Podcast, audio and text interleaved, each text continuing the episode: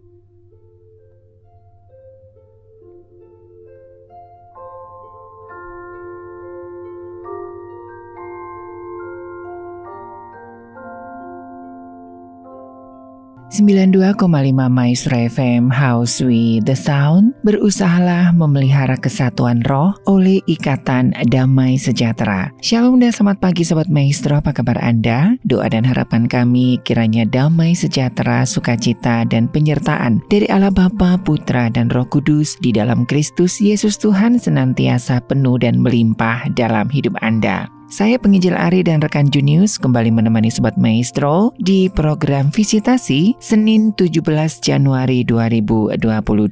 Bagi Sobat Maestro yang rindu didoakan, silakan Anda bisa mengirimkan pokok-pokok doa melalui SMS ataupun WhatsApp di 081 321 000925. Sobat Maestro yang dikasih Tuhan, berkat Tuhan adalah hak kita sebagai anak-anak Allah di sorga. Namun berkat itu akan mengalir dalam kehidupan kita di dalam ketaatan dan kesatuan roh pada waktu ada kesatuan roh di dalam keluarga, di dalam rumah tangga, di dalam kehidupan berjemaat, di dalam pekerjaan kita, ataupun di mana pun kita berada, maka berkat Tuhan akan mengalir dan turun atas kita. Jika berkat ada di kepala Harun, maka ujung jubahnya pun akan mengalami hal yang sama, karena berkat selalu mengalir dari atas sampai ke bawah. Asalkan yang di bawah harus tetap sabar, taat, dan setia,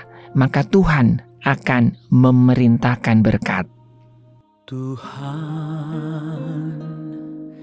jadikanlah aku pembawa damai-Mu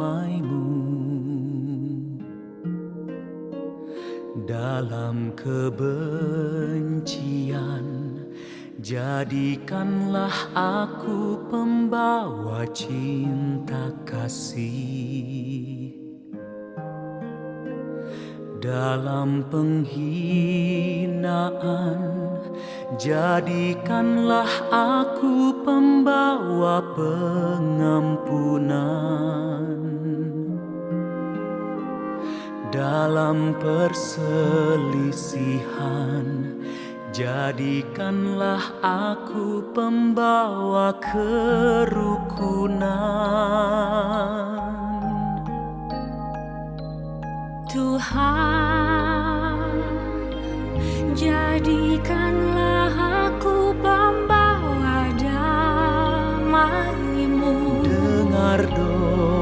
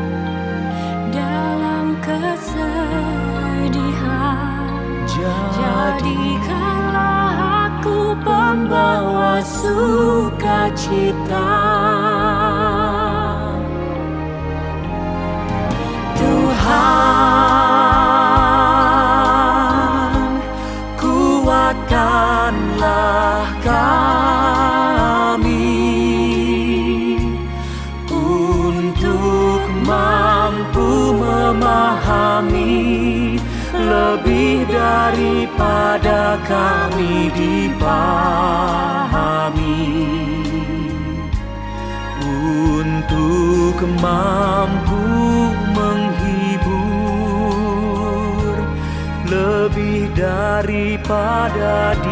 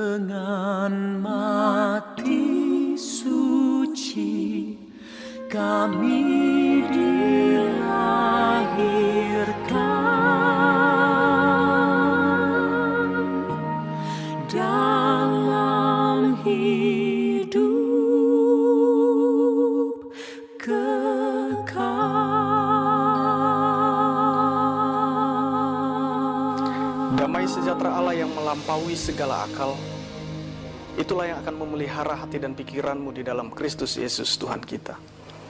Amin. Saudaraku yang dikasihi Tuhan kita Yesus Kristus, kita akan menerima firman Tuhan yang tertulis di dalam surat Paulus kepada jemaat di Efesus, pasalnya yang keempat, ayat 1 sampai ayat 7. Di bawah judul perikop kesatuan jemaat dan karunia yang berbeda-beda. Beginilah firman Tuhan. Sebab itu aku menasihatkan kamu. Aku orang yang dipenjarakan karena Tuhan. Supaya hidupmu sebagai orang-orang yang telah dipanggil berpadanan dengan panggilan itu. Hendaklah kamu selalu rendah hati, lemah lembut dan sabar. Tunjukkanlah kasihmu dalam hal saling membantu dan berusahalah memelihara kesatuan roh oleh ikatan damai sejahtera, satu tubuh dan satu roh. Sebagaimana kamu telah dipanggil kepada satu pengharapan yang terkandung dalam panggilanmu. Satu Tuhan, satu iman, satu baptisan. Satu Allah dan Bapa dari semua. Allah yang di atas semua dan oleh semua dan di dalam semua. Tetapi kepada kita masing-masing telah dianugerahkan kasih karunia menurut ukuran pemberian Kristus. Demikian pembacaan firman Tuhan. Saudaraku, kelima jari yang kita miliki ini mempunyai nama, bentuk, dan kegunaan yang berbeda. Ada jari yang lebih tinggi daripada jari lainnya. Sebaliknya ada pula yang diciptakan lebih pendek. Jempol atau ibu jari sering digunakan untuk memberikan pujian. Telunjuk digunakan untuk menunjuk ataupun memberi perintah. Ada juga jari tengah yaitu sebagai jari yang paling tinggi. Jari manis, jari yang terpilih untuk menjadi tempat cincin yang indah. Sedangkan jari kelingking ini adalah jari yang paling kecil, jari yang paling lemah, sering digunakan untuk menjadi simbol janji atau ungkapan maaf. Kelima, jari ini diciptakan begitu unik dan berbeda satu dengan yang lainnya. Tetapi perbedaan tersebut tidaklah kemudian membuat mereka bergerak sendiri semau mereka. Dengan setiap kelebihan dan kekurangan yang mereka miliki, mereka bersatu untuk mencapai tujuan tertentu. Mulai dari memegang barang, menulis, mengetik, main musik, dan membantu anggota tubuh lainnya. Saudaraku, setelah dua minggu yang lalu kita mendengar khotbah dari Efesus di pasal yang kedua, yaitu tentang kesatuan dan damai di dalam Tuhan. Hari ini sekali lagi kita kembali diingatkan tentang kesatuan, atau lebih tepatnya berusaha memelihara kesatuan roh. Jadi di dalam tiga minggu ada dua kali kita membahas tentang kesatuan.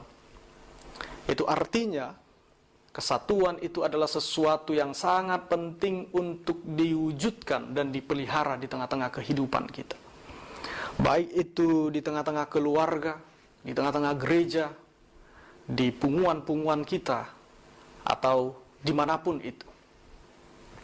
Karena selain sebagai panggilan kita sebagai orang-orang yang telah dipersatukan melalui darah Kristus, dengan terwujudnya, dengan terpeliharanya kesatuan, maka sejatinya persaudaraan akan mendatangkan berkat dari Tuhan. Ya, persaudaraan yang rukun itu akan mendatangkan berkat dari Tuhan. Sebagaimana yang dituliskan di dalam kitab Mazmur pasalnya yang ke-133 itu. Namun sebaliknya, jika ada gereja yang terus-menerus mengalami konflik, mengalami masalah, maka gereja itu tidak akan maju dan tidak akan menjadi berkat. Bahkan gereja itu akan mengalami kemunduran dan gereja semacam itu bukanlah gereja yang memuliakan Tuhan. Nah, saudaraku kalau dikatakan berusaha memelihara kesatuan roh, itu berarti sudah ada yang mau dipelihara. Dan dari pengertian ini kita tidak sedang disuruh untuk mencipta. Kita tidak sedang disuruh untuk membangun dan kita tidak disuruh untuk membuka kesatuan roh itu. Tetapi apa? Kita disuruh untuk memelihara. Itu artinya kesatuan roh itu sudah ada. Tinggal bagaimana kita memeliharanya. Di ayat 4 dan di ayat 5 jelas dikatakan kesatuan umat Allah itu sudah ada karena hanya ada satu roh. Umat Allah sudah menjadi satu karena memiliki dan didiami oleh roh yang sama. Umat Allah sudah menyatu karena memiliki satu pengharapan, satu iman, satu baptisan yang bersumber dari satu Tuhan. Kesimpulannya, kesatuan roh itu sudah ada. Dan orang Kristen dinasehatkan serta diperintahkan Paulus untuk memelihara kesatuan itu. Saudaraku, kalau kita mau jujur, justru sebenarnya di sinilah persoalannya. Justru di sinilah kesulitannya. Seperti kata orang bijak, mempertahankan itu jauh lebih sulit daripada merebut. Begitu juga dengan kesatuan itu.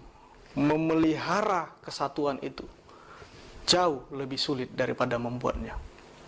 Ibarat seorang olahragawan untuk menjadi yang terbaik, untuk menjadi yang nomor satu, itu jauh lebih mudah daripada mempertahankannya.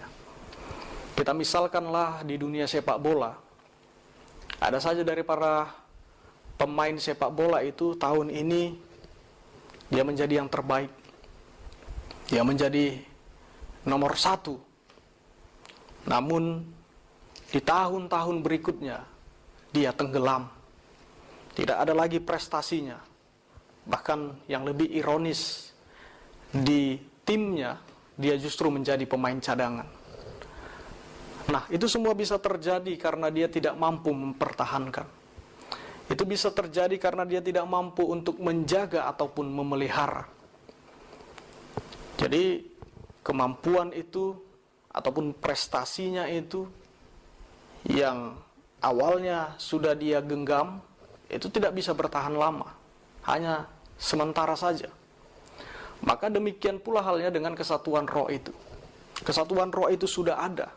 Sekarang bagaimana agar kita bisa memelihara kesatuan roh itu? Saudaraku di tengah-tengah bahaya perpecahan, tengah-tengah bahaya perselisihan dan perseteruan yang dialami jemaat di Efesus ketika itu, Paulus memberikan sebuah resep. Paulus memberikan sebuah rumus memelihara kesatuan itu harus dinyatakan dalam praktek kehidupan kita sehari-hari. Artinya, orang Kristen harus menerapkan sikap rendah hati, lemah lembut, sabar, serta menunjukkan kasihnya terhadap sesama dalam menjalankan kehidupannya, baik di tengah-tengah persekutuan gereja maupun di tengah-tengah masyarakat. Bisa kita bayangkan Betapa indahnya kehidupan yang seperti ini bila terjadi di dalam gereja kita.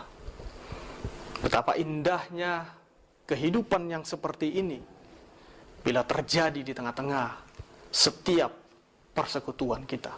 Masing-masing anggota menerapkan sikap rendah hati, lemah lembut, sabar, serta menunjukkan kasihnya. Luar biasa saudaraku, membayangkan kesatuan yang demikian saja sudah sangat indah. Apalagilah kalau kesatuan yang demikian itu bisa benar-benar terwujud di tengah-tengah persekutuan kita. Ini mengingatkan kepada kita kembali akan bagaimana cara hidup jemaat mula-mula yang dituliskan di dalam kisah Rasul pasalnya yang kedua itu. Saudaraku, benar memelihara kesatuan roh itu memanglah tidak mudah. Tidaklah semudah mengatakannya. Ada hal-hal yang harus diupayakan. Ada harga yang harus dibayar untuk mewujudkannya. Ada usaha di sini. Bahkan diperlukan pengorbanan di sini. Apalagi di tengah-tengah banyaknya roh-roh dunia saat ini yang bisa memecah belah satu dengan yang lainnya. Ada roh penghujat, ada roh pangguturi, ada roh keegoisan, roh merendahkan orang lain. Ada juga disebut yang namanya roh hotel. Hosom, teal, elat, dohot, late. Membuat kita semakin berjuang untuk mengupayakannya apa pun tantangan, apa pun kesulitan yang harus kita hadapi, kesatuan roh itu haruslah kita pelihara. Inilah doa Yesus untuk murid-muridnya yang dituliskan di dalam Yohanes 17 ayat 21 sebelum Yesus ditangkap dan disalibkan. Ut omnes unum sin supaya mereka semua menjadi satu. Dan di dalam mengupayakan, mengusahakan, memelihara kesatuan itu. Kasih harus menjadi daya sentral.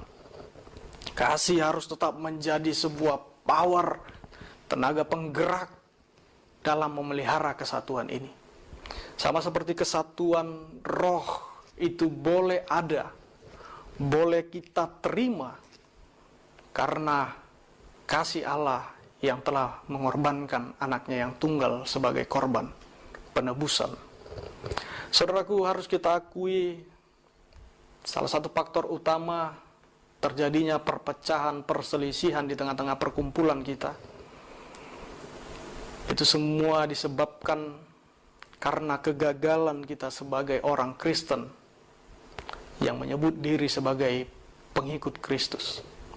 Saya mau katakan jangan jadikan kekristenan itu hanya sekedar agama saja. Tetapi jadikanlah kekristenan itu menjadi gaya hidup sebagai cara hidup kita. Sebagai murid Yesus, sebagai pengikut Kristus, maka gaya hidup kita, maka cara hidup kita juga harus meneladani Kristus. Ada sebuah kisah yang sangat terkenal, sebuah kisah tentang pengalaman seorang yang bernama Mahatma Gandhi. Ia adalah seorang pemimpin spiritual umat Hindu dan seorang politikus serta pejuang kemerdekaan India. Ia pernah mengatakan, "Saya suka Kristus Anda, tetapi saya tidak suka dengan orang Kristen Anda." Perkataan ini ia sampaikan kepada seorang misionaris yang bernama Stanley Jones yang mempertanyakan kepadanya, "Mengapa Anda menolak untuk menjadi pengikut Kristus?" Tidak hanya mengatakan, "Saya tidak suka dengan Kristen Anda, saya suka dengan Kristus Anda." Gandhi juga mengatakan, "Jika orang Kristen benar-benar hidup menurut ajaran Kristus, seperti yang ditemukan di dalam Alkitab, maka hari ini seluruh India sudah menjadi Kristen. Saudaraku, kita akan mengerti mengapa Gandhi mempunyai pandangan demikian. Jika kita melihat pada pengalamannya saat ia bekerja sebagai seorang pengacara di Afrika Selatan, ketika itu sebagai seorang anak muda, Gandhi sangat tertarik untuk mempelajari Alkitab.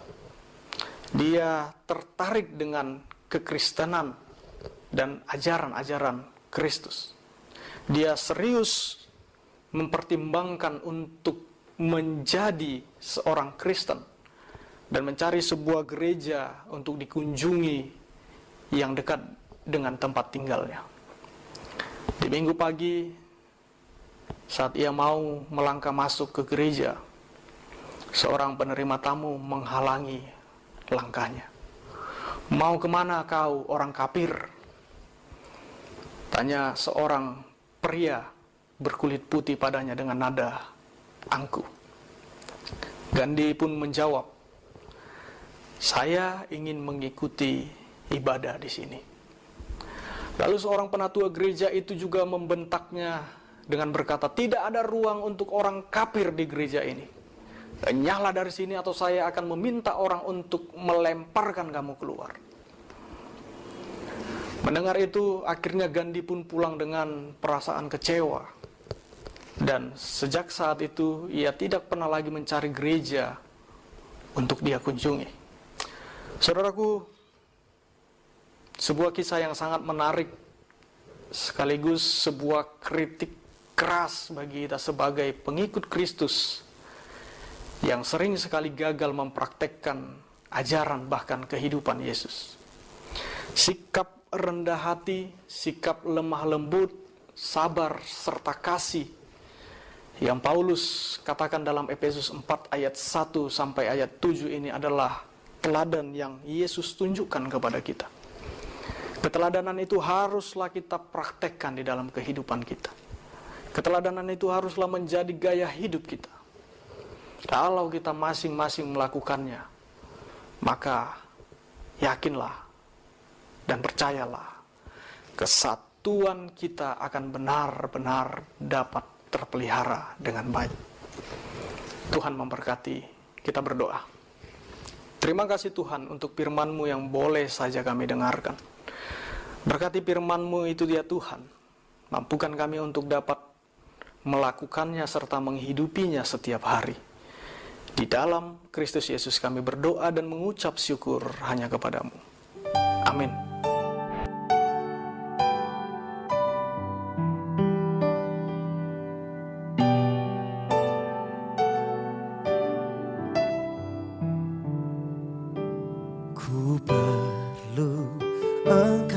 Yesus. Haus jiwaku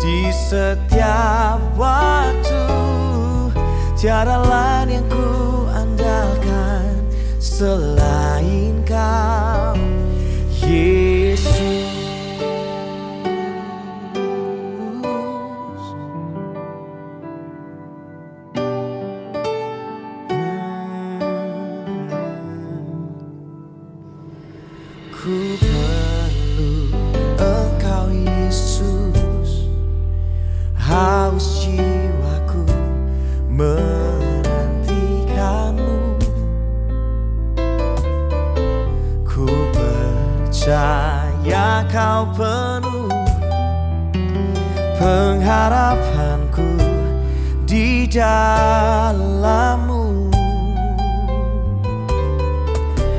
Yesus hanya kau yang ku andalkan. Melebihi siapa pun juga.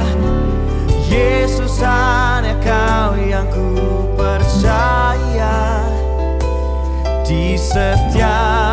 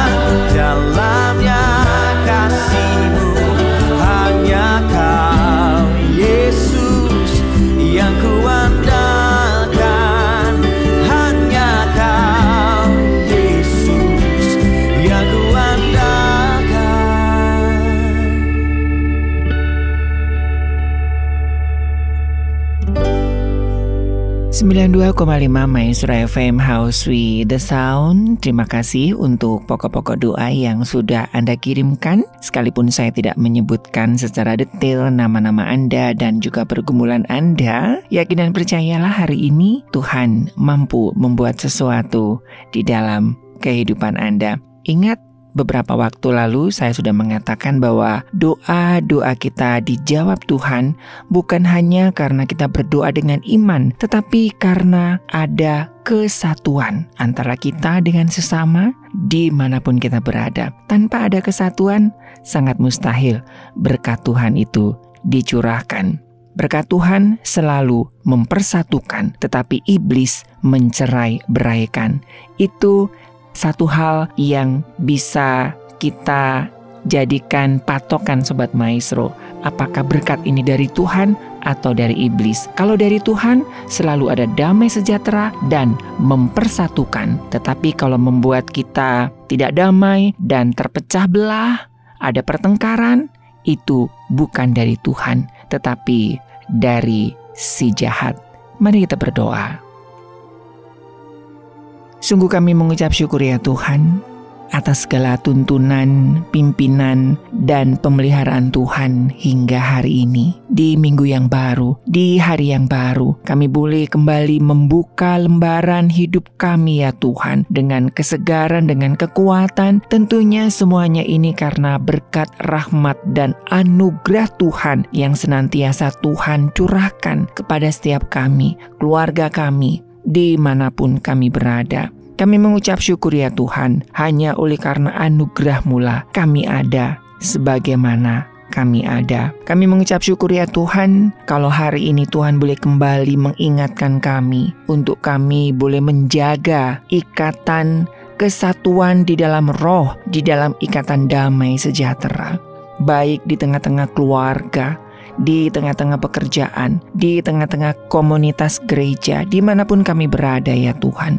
Biarlah kami sebagai umat-umatmu, kami sebagai orang-orang percaya, kami mengikat satu dengan yang lain, hidup dalam satu kesatuan. Semua anggota diikat oleh ikatan damai sejahtera, yang artinya setiap anggota harus memiliki damai sejahtera Kristus. Damai sejahtera bukan soal perasaan, sekalipun dapat dirasakan, tetapi damai sejahtera adalah kepastian karena kami ada di dalam Tuhan dan kiranya kami juga terus memelihara kesatuan roh yang berasal dari Roh Kudus, bukan kesatuan karena kepentingan bersama, nyaman bersama, atau untuk mendapat keuntungan bersama, tetapi kesatuan roh bisa terlaksana karena ada Roh Kudus di dalam setiap kami. Roh Kuduslah yang menghasilkan kesatuan roh, dan setiap kami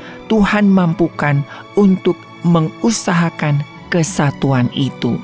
Terima kasih ya Tuhan untuk kebenaran firman-Mu pagi hari ini. Dan pagi hari ini ya Tuhan izinkan kami bersatu hati bersama-sama sobat-sobat maestro, baik di kota Bandung ataupun di luar kota Bandung yang saat ini bertelut berseru menjerit kepada Tuhan. Kiranya Tuhan boleh menyatakan berkat kemurahan dan anugerah, baik itu kesembuhan, jalan keluar dari setiap permasalahan, ataupun hal-hal lain yang dirindukan oleh sobat-sobat maestro. Kami memberkati mengurapi sobat-sobat maestro yang sudah mengirimkan pokok-pokok doa, baik yang saat ini sedang bergumul dengan kesehatan mereka, dengan sakit penyakit. Kami percaya di dalam nama Tuhan kami Yesus Kristus, kuasa persatuan, kuasa Tuhan akan mampu menyembuhkan, memulihkan, menjamah setiap sobat-sobat maestro.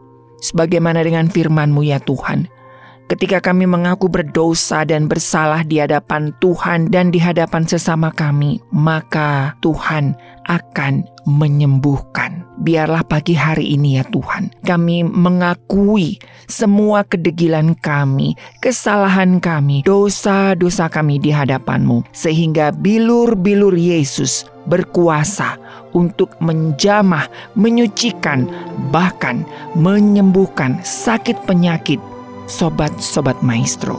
Baik dengan yang sakit stroke, dengan cedera lutut, dengan cedera pinggul, dengan liver, dengan hepatitis, dengan diabetes, dengan infeksi paru-paru, dengan masalah jantung, dengan masalah penglihatan, dengan katarak, dengan darah tinggi, dengan depresi, dengan sakit lambung, sakit pencernaan, kami percaya di dalam nama Yesus Kristus. Hari ini juga, sobat-sobat maestro telah sembuh di dalam nama Tuhan Yesus. Dan saatnya nanti kami akan mendengar kesaksian demi kesaksian kuasa Tuhan dinyatakan Begitu juga dengan sobat-sobat maestro yang masih bergumul dengan perekonomian, dengan keuangan, dengan usaha pekerjaan mereka ya Tuhan. Kami percaya di dalam nama Tuhan kami Yesus Kristus. Engkau Jehovah Zirih, Engkau Allah yang menyediakan. Engkau pemilik semesta ini ya Tuhan. Engkau yang menata semesta dengan begitu sempurna.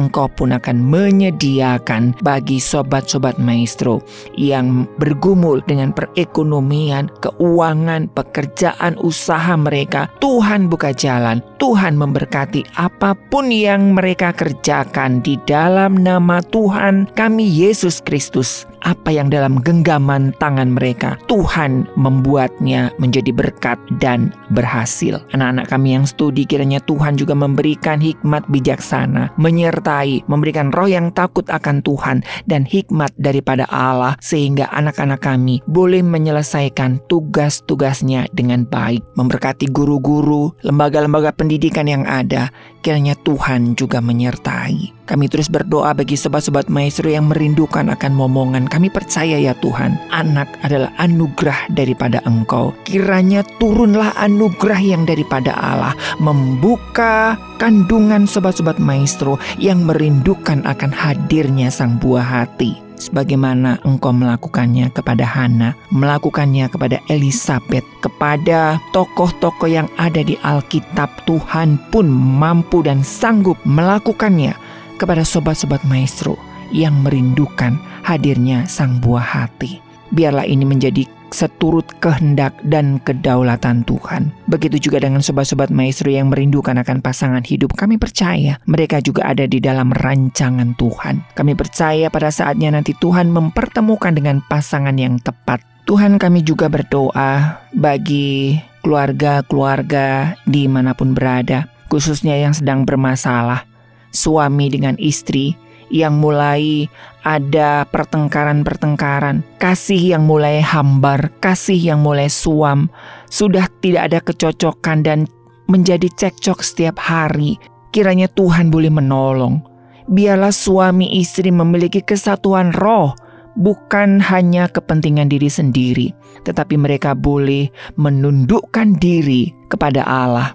Sehingga setiap permasalahan baik suami istri, orang tua dengan anak, boleh diselesaikan. Mari ya Tuhan kau menghampiri pagi hari ini bagi keluarga-keluarga di mana pun berada. Menjamah hati setiap orang tua, menjamah setiap hati anak. Kiranya rohmu yang kudus ya Tuhan bekerja, melembutkan hati mereka sehingga kesatuan dan persatuan boleh kembali terjadi dan restorasi berkat yang dahsyat boleh dirasakan oleh keluarga-keluarga di mana pun berada. Kami terus berdoa bagi hamba-hamba Tuhan, baik di kota Bandung dan di luar kota Bandung. Gereja-gereja Tuhan yang sudah mulai ibadah onsite, kiranya Tuhan juga memberkati. Terus kami juga berdoa bagi tim medis, aparat TNI Polri yang bersiaga, menjaga setiap masyarakat khususnya di kota Bandung dan di bangsa kami Indonesia dengan prediksi meningkatnya virus Omikron ya Tuhan. Kiranya Tuhan memakai tim medis TNI Polri dalam pelaksanaan vaksin ataupun juga vaksin booster kiranya Tuhan boleh menolong, memberikan hikmat bijaksana kepada pemerintahan kami dari Bapak Presiden hingga aparat desa kiranya Tuhan boleh menolong. Kiranya Tuhan juga boleh menyadarkan kami untuk kami tidak jumawa, untuk kami tetap mendukung program dari pemerintah. Kami tidak semena-mena ya Tuhan karena kondisi kami baik-baik saja sehingga kami abai akan protokol kesehatan dan kelalaian kami bisa mencelakakan orang lain. Sadarkan kami dan ampuni kami. Kami terus berdoa bagi Radio Maestro. Biarlah kuasa dan pengurapan Tuhan nyata di setiap acara-acara yang kami hadirkan dari pagi hingga tengah malam. Memberkati dan mengurapi tim manajemen. Memberkati dan mengurapi setiap kru yang bertugas Memberkati setiap sobat-sobat Maestro yang setia mendukung pelayanan di Radio Maestro, baik melalui periklanan, melalui donasi, melalui doa, melalui dukungan-dukungan yang lain. Itu akan menjadi satu kekuatan bagi kami. Tuhan memberkati dan mengurapi. Terima kasih ya Tuhan. Inilah seruan dan doa kami. Jadikan kami satu, rekan sekerja di dalam Engkau, sehingga kerajaan Allah boleh dinyatakan, khususnya di kota Bandung dan di bangsa kami, Indonesia. Terpuji namamu ya Tuhan, kekal selama-lamanya. Dalam nama Yesus, kami berdoa dan mengucap syukur. Mari kita angkat tangan di hadapan Bapa di sorga dan terimalah berkat Tuhan. Segala berkat kasih karunia daripada Allah Bapa di sorga, rahmat cinta kasih yang berlimpah-limpah dari Tuhan Yesus Kristus, di dalam persekutuan yang manis dengan roh Allah yang kudus, turun atas kehidupan kami, menyertai langkah hidup kami, memberkati kami saat ini, sampai selama-lamanya. Amin. hati kita Tuluskan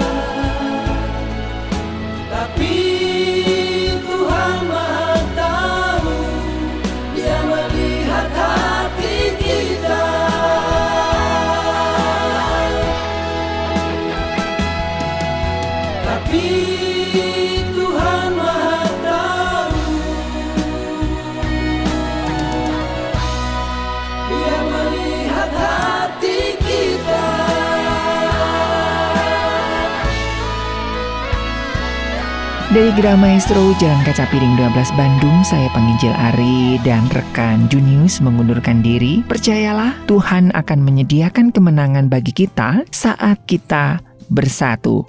Stronger together. Selamat siang dan Tuhan memberkati. Sungguh alangkah baiknya, sungguh alangkah indahnya bila saudara semua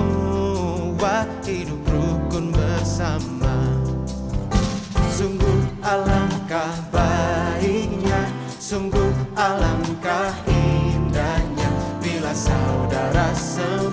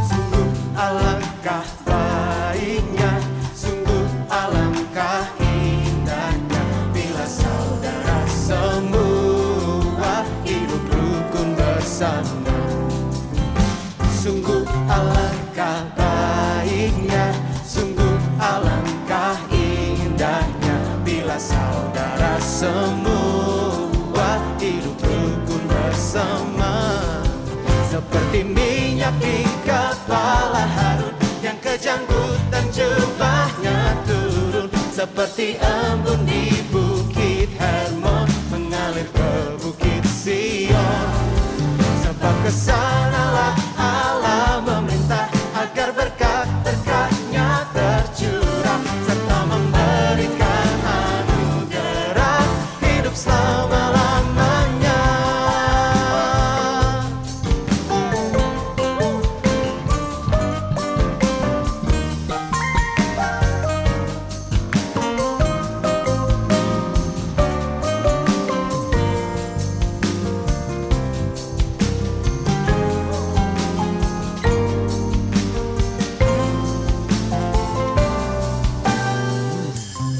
Mazmur 133 berkata, Jika saudara dan saya hidup dalam kerukunan, Tuhan akan memerintahkan berkat-berkatnya tercurah.